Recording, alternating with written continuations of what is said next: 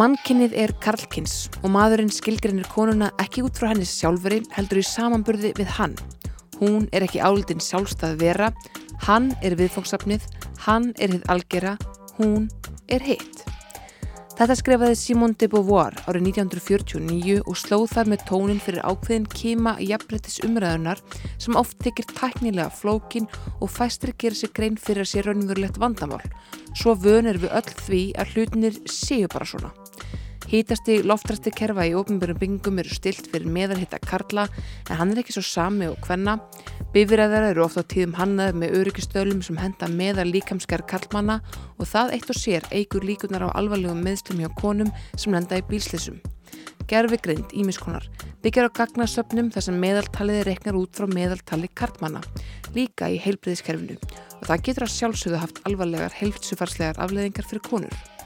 Tungumálið er svo ótrúlega oft karlægt að jafnvel þegar hugtök eru í sjálfur sér kynhlutlaus hefur fólk tilneyingu til að áalla að ónafgrindir læknar, fræðingar og stjórar séu karlkins. Þetta er merki um kynjaða gagnabilið. Ágæti hlustandi, nú hefjast kynstrin öll.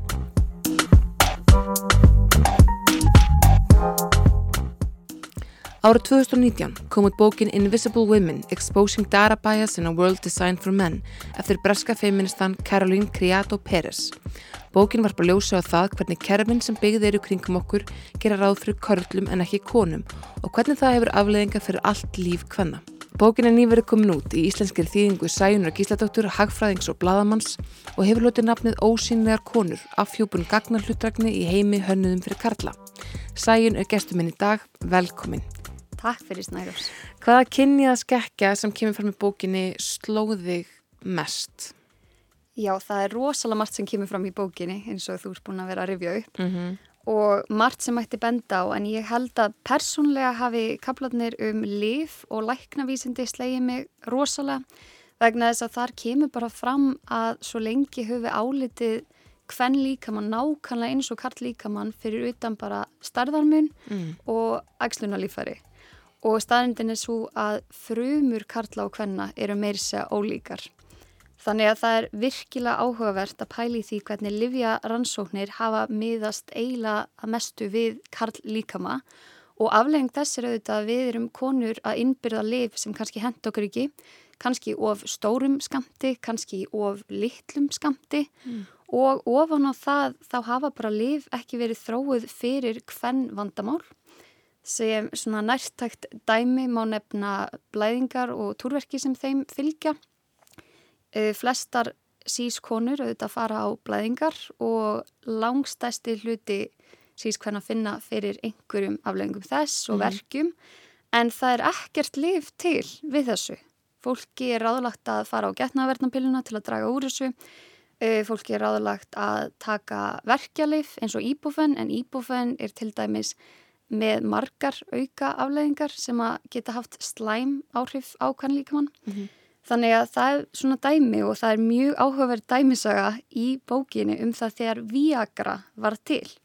Viagra verður til vegna þess að það verður að nota það í rannsókn annars konar, sem annars konar lif og það átt að nota það sem hjartalif og það kemur í ljós að það gengur ekkit mjög vel að nota það sem hjartalif en það er eitthvað að gerast, allir mm -hmm. kallanir að upplifa einhverju aukaverkanir. Algjörlega, stinningarlif. Nákvæmlega mm -hmm. og auðvitað bara hoppa livjaframlegendur á þetta og hugsa frábært tækifæri, nú þróum við lif. E, Laungu síðar, hérna fyrir einhverjum árum síðan, þá kemur ljósa Viagra gæti líka verið rosalega gott lif við túrverkjum. Það var framkvæmdur ansó en það voru ekki nógu margir sem tóku þátt til þess að þetta væri marktækaransón og ekkert fyrir fæst til þess að halda þeim rannsóknum áfram mm. og maður hugsa með sér hvaða ruggl er þetta? Ég meina það er rísa stór markar á konum sem væri alveg til í að taka liv þegar það eru á blæðingum. Mm -hmm. Þannig að, að þarna veldur það því að það er bara einfallega ekki vilji til þess að gera þessar rannsóknir áfram. Fjármagnir fæst ekki. En, en nú eru þetta konur sem eiga fylgta peningum. Já, já, algjörlega. En þetta er margslungi vandamál. Uh, Karlar stýra það sjálfsögðu meira fjármagni en konur heilt yfir og það er vitamál í fjárfestingasjóðum að fólk fjárfestir í fólki sem það getur speikla sig í. Mm. Þannig að það skiptir hérna máli að þeir sem séu að fjárfesta, séu, þar séu líka konur í þeim hópi sem sjáu tækifæri. Uh, annað skemmtilegt dæmi sem kemur fram er kona sem að vildi þróa brjóstakjafa dælur. Uh, þær eru sérstaklega vinsælar í bandaríkjónum því þar neyðast konu til þess að fara mjög snemma aftur að vinna -hmm. eftir basburð. Bara bókstaflega ekkert launafæðingar á Þorlandi? Nei, alveg hræðilegt sko og hérna þá var kona með svona miljón dólar hugmynd eða jafnvel miljardar dólar mhm. hugmynd að þróa bara betri brjóstadæli og það hefði engin áhuga á fjárfæsta í þessu mm. Og það skipti einhver máli hvað var að tala um markaðinn og að það væri ekki nógu góður vörur í bóði þannig að þetta er bara svo djúbstætt uh, og það er kannski það sem kemur fram í bókinni.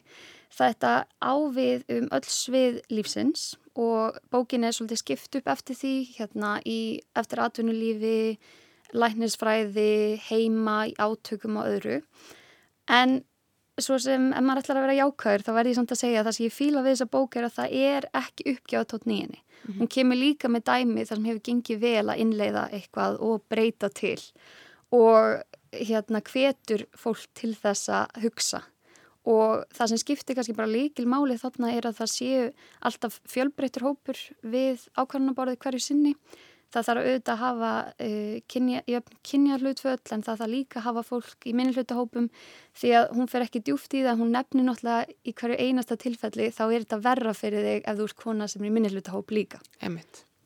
Og það er kannski það sem að, svona já, maður lesi í ingangnum og, og, og viðar, að, sko, ekki nómið að við, uh, sko, mannkinnið eða, eða þeir sem að sjá um tölfræðu upplýsingar og, og koma slíkum gögnum og framfæri séu ekki að taka til til hvenna sem er helmingur mannkins heldur er einmitt, eh, hópnum er ekki skipt frekar niður, það er ekki verið að velta fyrir sér sko sérstaklega líkamum uh, svartraða kvítra, fallara og ófallara uh, og svo framvegis, það er hægt að hérna, halda endalust áfram og að hérna, brjóta mannkinni niður í eina mismundu hópa sem hafa kannski mismunandi líkamlega virkni gerir þessi bóku eitthvað tilrönd til þess að, að skoða þetta, þar að segja sko hvað myndi henda þessum ólíku hópum? Eða er þau, það er uppsenga bara ekki til?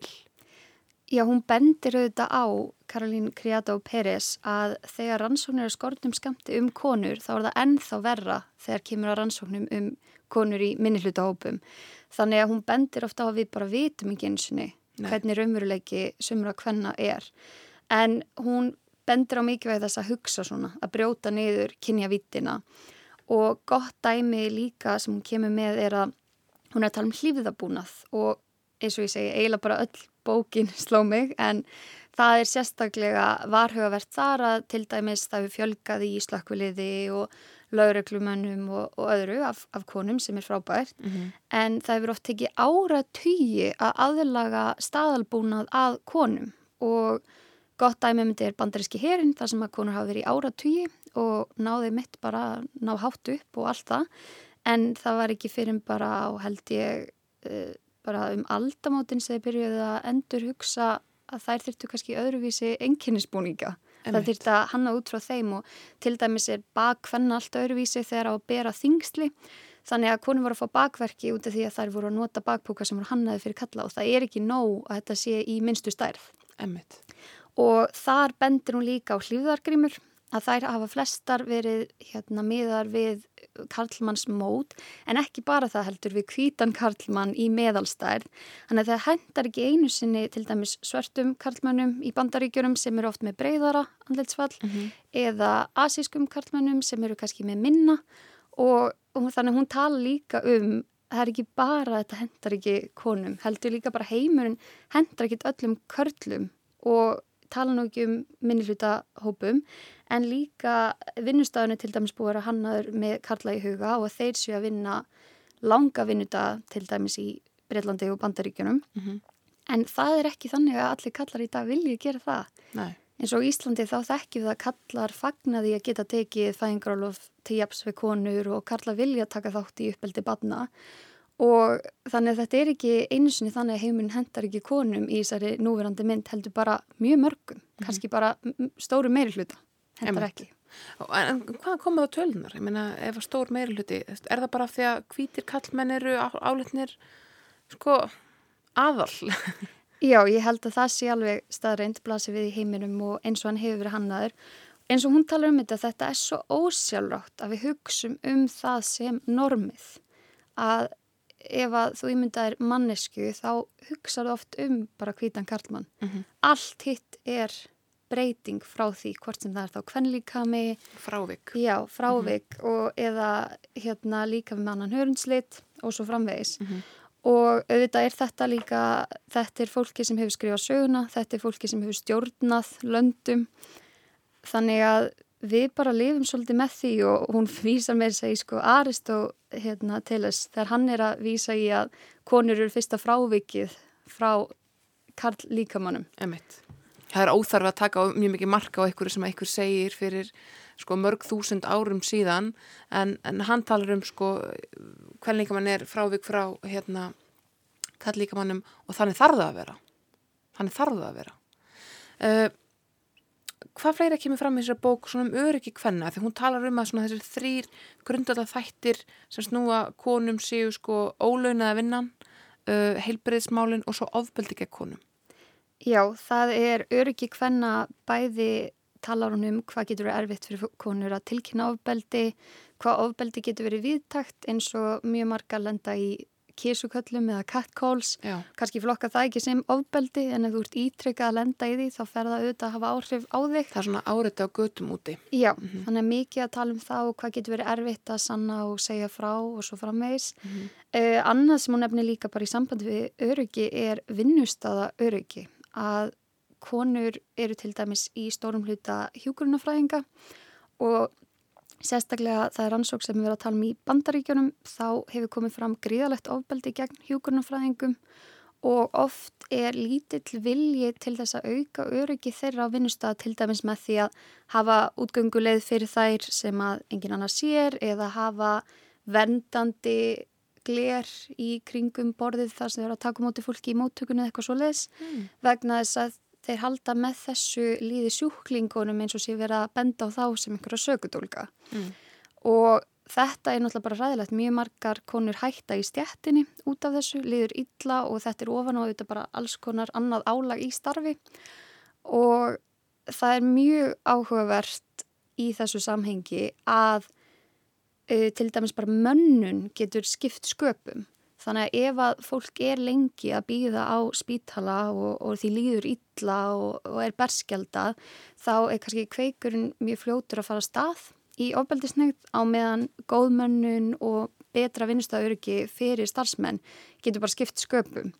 Þannig að það er til dæmis ofbeldi sem er fjallaðum sem maður kannski hefur ekkert hugsað um mm -hmm. í þessu samengi og þetta og öruglega við fleiri vinnustæði, getur maður rýmda sér. Þannig raun og veru að ef að heilbriðskerfið er velmannað þá líður sjúklingunum, sko þá fáður fyrr þjónustu og líður eðlumálssangat betur og þetta kannski sérstaklega við um svona bráðamóttökur og fleira það sem að alls konar hópu fólks fyrir gegn og þá minga líkunar á ofbildi gagvart þeim heilbriðstarfsmunum sem eru á golfinu sem eru alla jafna konur því að það eru þær sem manna hjókunarfræðistörfin. Það er það sem að segja.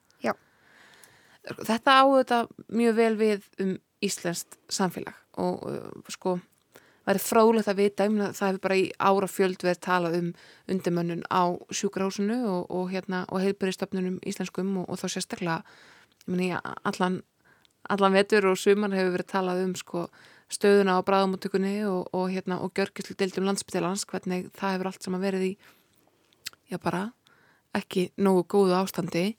Uh, er eitthvað í þessari bók sem að, að sko þú, þú, þú sér strax íslenskir stjórnendur geta skoðað þetta og gert umsvíðalust breytingar sem myndu bæta líðan og líf þeirra hvenna sem að, að kerfinu mæta Já, heiklust eins og þetta að, að hugsa myndimennun út frá viðra samhengi mm -hmm. Líka, en bara því þessi mikið að gera vinninu, þetta er bara öryggisatrið. Já, algjörlega. Já. Og líka e, það er rosalega mikið um hönnun bygginga hvernig er hægt að búa til rými þar sem að konum og körlum líður vel mm -hmm. og sem að þau geta nýtt til japs það er alveg klálega eitthvað sem við getum strax innleitt.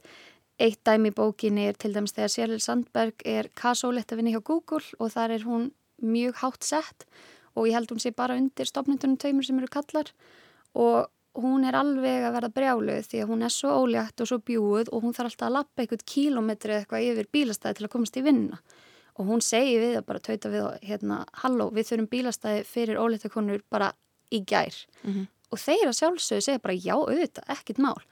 Og þetta er svona dæmum þeir voru karlar og það hafði engin háttsett kona verið ófrísk áður þarna. Þannig um leiðu var bent á eitthvað vandamál þá var hægt að gera eitthvað í því. Þannig að maður hefur til dæmis séð og ég fagnaði eins og hjá hagkaup og króninu eru komin sér bílastæði líka fyrir hérna, fjölskyldur mm -hmm. sem er alveg frábært framtak þannig að má gera meira svoleiðis og Við hönnun húsnaðis, uh, það er líka talaðum eins og fyrir spítalana. Ef þeir eru opnir og það eru ringtorg og annað, þá sér fólk ef eitthvað er að gerast. Ef þú lendir í því til dæmis sem hjúgrunarfræðingur að vera að lappa inn langan gang, þá getur þú lendt í ofbeldi og enginn sér það. Hmm. Þannig að til dæmis opin rými þarna eða opnari rými geta skipt sköpum. Bara hönnun húsa? Hönnun húsa. Sko, það, er annað nærtækt dæmi úr Íslensku sjáfélagi sem var hérna, mikið rættum fréttum um daginn og það er kvennaklefin í Sundhöll Reykjavíkur. Nákvæmlega. Um, þar eh, var farið í mjög hérna, grúndíkt endurskoðun og endur hönnun og allir því húsnæði og mikil viðbygging en konur þurfa að lappa úti til þess að komast í innilögina sem er aðal rými sundlögarnar. Um, konum eru þetta miklu hættar af að fá blöðrubólgu heldur en nokktum á köllum af því að þvagrafskvenna er stittri heldur en karla. Þetta er kannski svona eitt af þessum dæmum um það sem að, það sem að raunverulega var bara einhver hönnun sett á stað og það var ekki hugsað um þarfir notenda húsins. Já, það er svona held ég að sé mjög mikilvægt þegar að vera að fara af stað í einhverju svona hönnun að uh, fá kynjafræðing inn í máli eða einhvern sem getur talað um mm -hmm svona hluti. Mm -hmm. bara frá byrjun. Sko ég hef tekið eftir þessu sjálfa því að, að þess að fyndi með sundlögarnar sko nánast undartekningalöst í öllum sundlögum landsins er lengra frá kvennaklefanum en kallaklefanum það er, það er eiginlega með óleikindum sko nema í þeim sundlögum þar sem að það er jafnlangt. Og ég hef ofta átt þetta samtali með manni minna því að hérna við förum mikið sund og við förum mikið sund um all land sko það er í vestubalauðinni það er bara, maður getur haldið endalust áfram, alltaf er lengra í kvennakleifan sko í einhverja átt. Og það, þetta er svo ótrúlega skrítið þegar þetta verður að reglu. Af því maður myndi alveg, sko maður vill ekki fá hérna ég sem kona vil ekki endilega fá uh, eitthvað forskot. Eða ég vil ekki að það sé sko sérstaklega hérna lagt á borð fyrir mig en maður vil samt ekki til að þurfa að taka alltaf aukaskrifin ef, þetta, ef maður upplöði þetta sem tilvílanakent þá væri það í lægi en þegar þetta er hver einasta sundlög á landinu þar sem er mislangt í búnsklefana þá hallar það konur. Það er eitthvað undarlegt, það er eitthvað skritið En þetta er örgulega ósjálfrátt. Það er það sem náttúrulega skýn í gegnum bókina. Það er ekki þannig að í flestum tilfellum kall hönnuður sé að hugsa nei, konur eiga þurfa að lappa lengra. Nei, nei, Þetta gerist bara óvart og fólk hugsa jápil, já svona var hönnunin í Vesturbælau, þá var flott, gerum það. Emme. Þannig að þetta snýst í raun og veru rosa mikið, þessi bók er bara ákall til fólks að hugsa að þetta er svo oft hugsun að leysi sem að mhm. velta þessu. En eins og þú segir, með sundlega hönnun á Íslandi, þetta var algjörlega við um, annað dæmi sem að þar virkilega líka hugsun er eins og klósettmálinn. Mm -hmm. Það er formfest bara í pípulagningum að hvenna klósett og karla klósett ef að eru bara þau tvö séu jafn stór en eins og allir vita þá er hægt að hafa bása hjá konum en pissurskálar hjá karlum. Mm -hmm. Þannig að það er kannski ekki það fjóri kallar létt á sér á sama tíma og tvær konur. Þannig að það er í raun og veru ekki jafnbrétti. Nei og bara gett nefnda um daginn, ég fór eins og margir aðrir James Bond bíó og það var auðvitað pakkað og bara hlínu þá æða allir út og öruglega jafnmarga konur og jafnmargi kallar en það myndast þessi röð hjá kannaklóstunu og öruglega marga konur, ég til dæmis bara spretti að því ég vissi þetta á þryggja tíma mynd, ég var það komast um, sem náðu öruglega ekki að fara eða mistu af þarna næstu tveimu mínútum af mhm. myndinni Og ástæðan fyrir því að líka konur eru að jafna þið 2,3 sinnum lengur á klósettinu. Það er bara margar ástæði fyrir því. Þær eru meðal annars í starra hérna, starri hóp meðal aldraðra og fatlaðra. Mm. Það eru líklæri til að vera með sér í fylld eða einhvern annan. Það eru líklæri til að vera með blöðrubolgu. Það eru líklæri til að vera auða á blæðingum. Þetta er líka bara aðeins flóknara að, að fara úr Já. föturum, setjast niður heldur en að geta bara rent niður rennilásnum og pissað, skiljur. Mm. Það er hérna, þetta er, þetta er mjög dagleg aðtöfn og maður veltiði fyrir sér eins og þú sér, hvað, 2,3 sinum lengur á klósturu. Já og að jafnaði náttúrulega sískonu 20-25% þeirra á blæðingum á hverjum tíma. Einmitt. Þannig að þetta er líka sem tekur miklu lengur tíma. Já, þannig að þetta er til dæmis eitthvað sem afhverju ef við ætlum að hafa kalla á kvennaklósett fjölgu við ekki bara kvennaklósettum mm -hmm. og tryggjum um þetta séu mörgum stöðum og svo til dæmis fagnar ég mjög mikið kyn hlutlúsum klósettum, það er bara frábært en það gleimis oft á til dæmis að hafa tunnur á hverju þeirra fyrir tíðavörur eða ef við búðum upp á tíðavörur að hafa þér á hverju klósetti mm -hmm. að því annars ertu bara að segja, heyru það er bara þessi klósett sem sískonu geta notað. Emmett. Sko þetta er mjög áhvert, ég veit ekki alveg okkur að við erum komnar inn í einhverja klósettumröðu hérna en þú veist, auðvitað, ég meina hver einasta hlustandi sem að hérna, sem að er við tæki núna eh, þarf eitthvað um hana að leta á sér uh, uh, sko það, það er til þessi mynd sem að fjallar um hérna, sem að eflust hafa margir séð það sem að, að er annars vegar jafnrétti og hins vegar réttlæti. Uh, og við eigum kannski ekki endilega betra orð sko yfir jafnrétti sem að jafnrétti áður að vera réttlæti.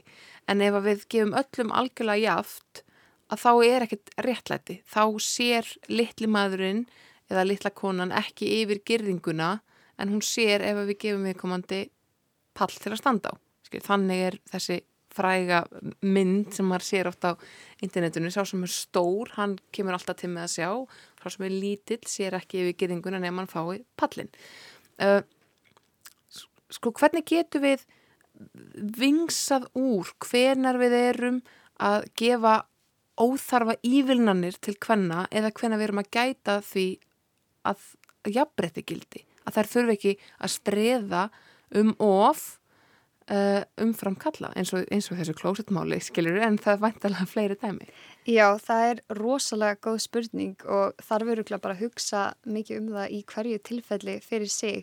En ég held að eitt dæmi sé, uh, sem sé hægt að taka sé frá Vínarborg sem er borg sem hefur lagt rosalega mikið upp úr því að hafa kynja jafnbretti og jafnan aðgangað almenningssvæðum Þar hefur líka verið fjölga til dæmis göduljósum, svo konum líði örugari mm -hmm. og mhm. svo framvegis. Mm -hmm.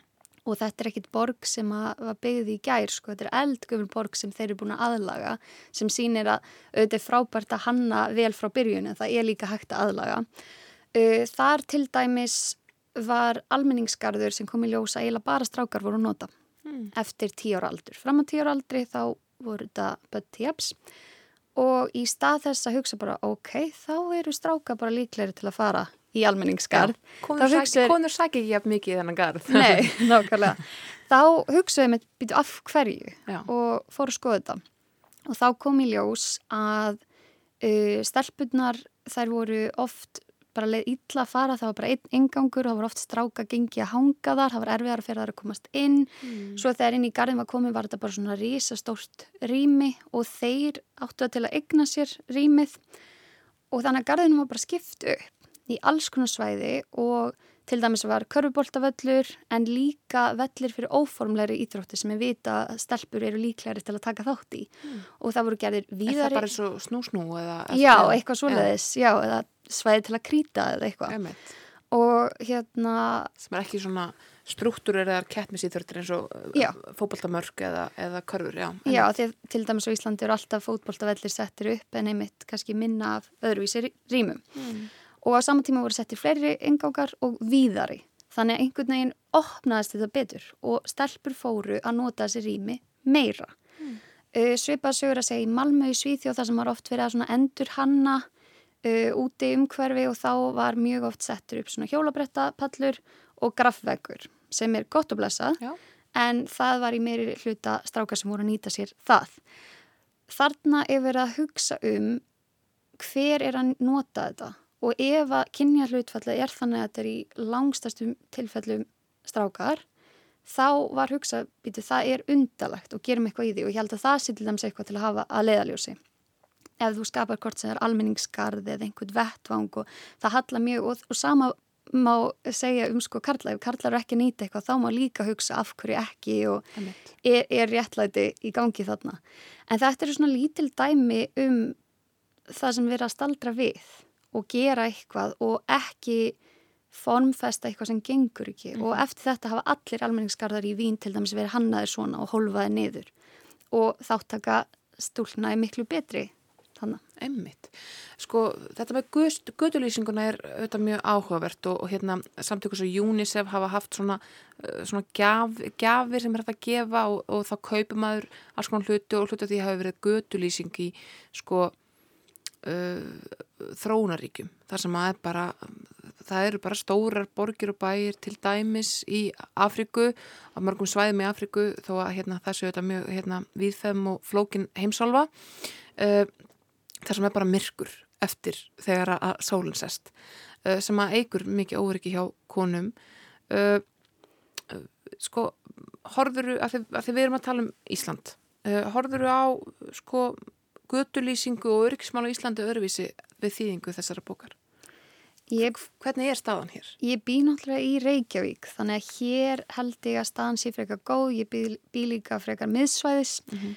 en ég get ímyndað mér að sé ábúta vant á, á öðrum svæðum eh, það sem er ekki kannski jafn margir á ferli og annað mm -hmm. en maður sér ímislegt eins og það er talað um að hérna, þegar þú ert með badnavagn og annað eða með hjólastóla því að konur eru líklari til þess að vera fylgjöldruð með að vera aldraðar eða vera fallaðar mm. það, það er eitthvað sem ég hef búin að taka meira eftir og, og ég veit að það er verið að vinna í ymsum málum en þetta er eitthvað sem er opastlega mikilvægt að tryggja og það er skemmtilegu kapli hérna sem að tala um snjóörðning í Já. hérna Svíðjóð og þá var einmitt einhver mjög óheppin bæjafulltrúi sem leti orðfalla þegar þið voru að kyngreina allt sem þið voru að gera.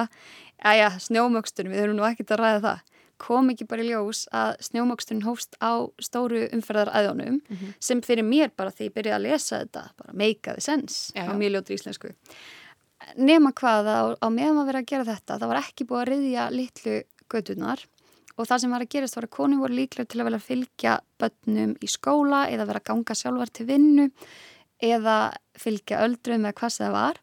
Og á meðan var ekki búið að riðið þarna voru konur að detta og kannski handlegsbrotna eða eitthvað svo leiðis og það er náttúrulega mikill kostnað svíþjóð eins og Íslandi með ofinbært hilbreyðiskerfi og það kom bara í ljósa með því að byrja að riðja gangbröðirnar og það sem konu voru í meiri hluta vegfæranda, þá var bara fullt af peningum sem spöruðust.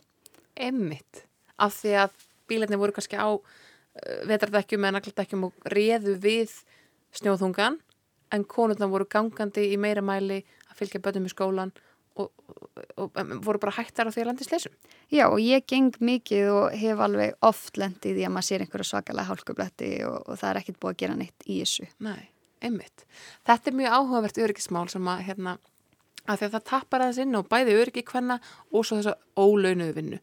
Að konur séu meira mæli, einmitt að fylgja bætum í skólan, þú talaður aðeins um að það eru meira mæli að sinna ummun og hlutverki fyrir fatlaða fjölskyldumæðlimi eh, eða aldraða fjölskyldumæðlimi.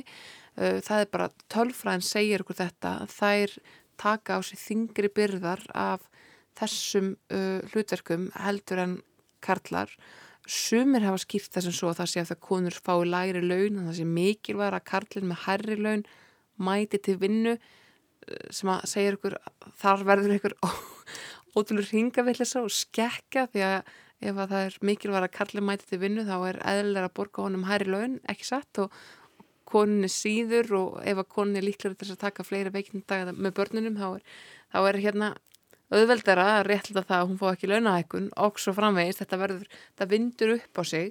Um, en þetta er svona gömul sagun ný um, eitt sem ég rakk augun í þessari bók það er að hún talar mikið um nýja tækni sko gerfigrind hvernig gerfigrind uh, tekur mið af kallmennum og það er eitthvað sem við erum að horfa á til framtíra þegar við erum auðvitað að reyna að breyta heiminum, ekki satt, það eru allir samtækuð því sko, en hún, gerfugreind er, er framtíðamúsík hvað er það þar við hana sem er bara ekki hannað fyrir konur? Já, þetta er frábær spurning. Það er, hún bendir á að gerfugreind byggir að miklu leiti á reikniritum eða algoritmum og það er gott að blessa ef þeir eru fullkomnir. Mm -hmm. En ef þeir byggja á gögnum sem hefur komið mjög skýrt fram að eru mjög karl hlutræg, þá passar það ekki. Og í ríkari mæli eru reiknirit notuð eins og við þekkjum bara í gerfigreind og gerfigreind er notuð til dæmis til að síja ferilskrár og hvað ef að það er bara mjög mikil hlutrægni í því. Hmm. Þá ertu allt í einu ekki að bóða kannski konur, konur í viðtal. Þannig að þegar að stór fyrirtæki stórleifi fyrirtæki eða Google eða Facebook eða eitthvað svona rísa fyrirtæki fá til eh, auðvilsastarf þá láta þau gerfugrind fara yfir umsóknunar og gerfugrindin er líklega til að segja þessi konur er ekki hæf, þessi konur er ekki hæf, þessi konur er ekki hæf en þessi kallar með þessa tegunda gráðu eða þessa tegunda reynslu. Já og þetta er þetta... er að kallin er ráðinni. Já og þetta eru þetta bara ný tækni sem við erum að tækla og erum að læra af og læra að nota þannig að það er opbúslega mikið að átta sig á því að það getur verið hlutrækni í henni mm. að hún sé ekki þó þetta séu vísindi að þau séu ekki 100% sko. Og eh, annað dæmi er til dæmis að, að konur eh, láta lífið þegar það fá hjarta áfall vegna þess að það er miskrind að því að það eru ekki með típisk Hollywood hjartaáföll. En Hollywood hjartaáföllin já, já, eru þetta karla hjartaáföllin. En, en vísbendingar um að konur fá alveg í miklu ríkari mæli hjartaáfall heldur en við höldum. Mm. og þetta sé bara miskrein og mikið af læknisfræði til dæmis er núna komin inn í reikniritt og fólk er að læra af því líka og, og maður getur bara ímynda sér hvað skekkjur geta átt sér stað mm -hmm. Já, menn eins og þú nefndir í upphafi viðtalsins þegar að frumundar í okkur eru bókstallega ólíkar og, en sko þetta er svolítið áhugavert með hjertáfallið af því að hérna, við eigum alltaf að þekkja þessi enkenni, það er hérna, verkur í vinstri upphandleg og, og, og takk fyrir hjartað og allt þetta. Uh, það hefur alltaf verið að tala um þetta eru hinn hefðbundnu enkenni og þannig kemur tungumálaðið hans inn í það. Hvernig við tölum um sko típisk hjartaáfarsenginni eða uh, hefðpundin ADHD-enginni fyrir það sem verður með áverkna og aðtækisprest og það sem að konur eru það með ódæmigerð enginni en það eru þetta svolítið skrítið að tala þannig fyrir helming mannkins. Já, er forsvaranlegt að segja hefðbundið ef það á ekki við um helmingin. Emitt. Manni finnst það ekki og, og það er fleira sem er komið inn á í bókinni eins og til dæmis uh, með yngverfi að það er maður hefur öruglega hýrt að ofta strákar er líklegri til að vera meinkjöru en það getur bara vel verið að það sé ránt ástæðan er svo að strákar eru líklegri til að greinast og greinast fyrr mm -hmm. því þeir eru með hefðbundin einhverfu einkenni stelpur eru öðruvísi félagslega mótar og það er talað um að stelpur til dæmis sé bara félagslega mótar þannig að það er til dæmis eru í meiri félagslegum samskiptum en geta samt verið einhverjur og eru kannski ekki að fá hjálp eða mhm. stöðning sem að þær gæti þurft á að mhm. halda út af þessu. Þannig að þessi einhverju einkenni sem við þekkjum hjá ungum piltum, skortur á samkend, innræna, ímislegt uh, svona, já, vangeta í félagslegum samskiptum uh, og, svo, svo framvegs, það er eitthvað sem við erum jáfnvel búin að bara bókstara að snýða af stúlkum frá frumbörnsku með því að láta þær sína samkend eða kenna þeim það miklu frekar heldur en við hefum kent drenginum það. Já og það er talað líka um uh, hvern forritara þær séu öðruvísi. Það er einn prófessor sem að talaði um það í bókinni að strákarni hjá henni þeir væri alltaf svo duglegir að forrita langt inn í nóttin og hann sæi aldrei stelpur með svona ástriðu Nei. og það var einhver kona sem tók hann mitt á teppið og sagði bara ég er forritari og ég hef rosalega náhuga á þessu en það þýr ekki þurfa að snúa við sólaringnum til þess að gera það Nei. en þarna bara hugsaðan hefbundnu karla enginni þess að vera ástrifullur fórindari og duglegur, það hlýtur eiga við um alla mm -hmm. En samt voru kannski afkvöstin ekki ólíka eða hvað? Nei, ekkit endilega sko um, Svona rétt í lokin af því að uh, við myndist aðeins á Aristoteles áðan og, og svona söguna uh, það er talað um það í þessari bók að við höfum í raun og veru skilgreint sögu mannkins ránt. Við höfum talað um það uh, að við höfum verið þessir miklu hérna, veiðimenn og svo framvegis og það sé grundvöldur all, alls mannkins og þróunar þess en það sé raun og veru bara algjörlega kolröngleið til að horfa á hlutina þar sem að hafi jafnvel haldið lífi í mannkinu hafi verið konur, söpnunar hæfileika þeirra og svo framvegis. Það sé ekki endilega vanlegasti vinnings að, að hérna, slátra stóru dýri e, sko, einu svona misseri heldur sé það allt hitt vinniframlæðið sem að hafi haldið lífi í mannkininu og við erum öll hér út af því. Hvað, hérna, hvað fleiri dæmi er um svona sagfræðilega skekkju bara við, það sem við reynilega horta fortið okkar með já, mjög kynniðum karlagleirum. Já, það eru mörg dæmi en það sem ég dettur helst í hug er eins og með hvern tónskáld. Það eru til dæmis þættir sem hafa verið í gangi á rúf um hvern tónskáld og ég fagna því, ég mitt að því maður hefur ekki heyrt um flest þeirra. Nei, nei, þetta er alltaf bara betu fenn og bakk. Já, mm -hmm. og, og maður hefði bara haldið að það hefði aldrei verið neginn hvern tónskáld fyrir ná 20-stöldinni. En hún, hérna, Kreado Peres fer svolítið inn á það að það eru svo margar ástæði fyrir því. Til dæmis var bara ekki talið sæmilegt fyrir konur að flytja verk sín mm. nema kannski bara í stofu heima fyrir nánustu fjölskyldumæðlumi. Ofan á þáttu er kannski ekki peninga til þess að taka upp, til þess að rita niður verkin sín og ofan á það áttu þær ekki peninga til þess að tryggja þetta er þið geimt í einhverjum bókasöfnum eða öðrum söfnum til þess að þetta myndi ekki gleymast. Emmett. Og út af þessu þá er bara fullt af hvern tónskáldum sem hafa verið starfandi í gegnum aldirnar sem hafa glemst. Mm -hmm. Og það er svo auðvelt að hugsa að það voru bara engar. En það er ekki rétt og þá eru kláð við um líka bara marga listamenn, marga listmálara og það er alltaf þetta aðgengi að peningum aðgengja því að koma fram sem skiptir svo miklu máli til dæmis í menningasögunni. Mm -hmm.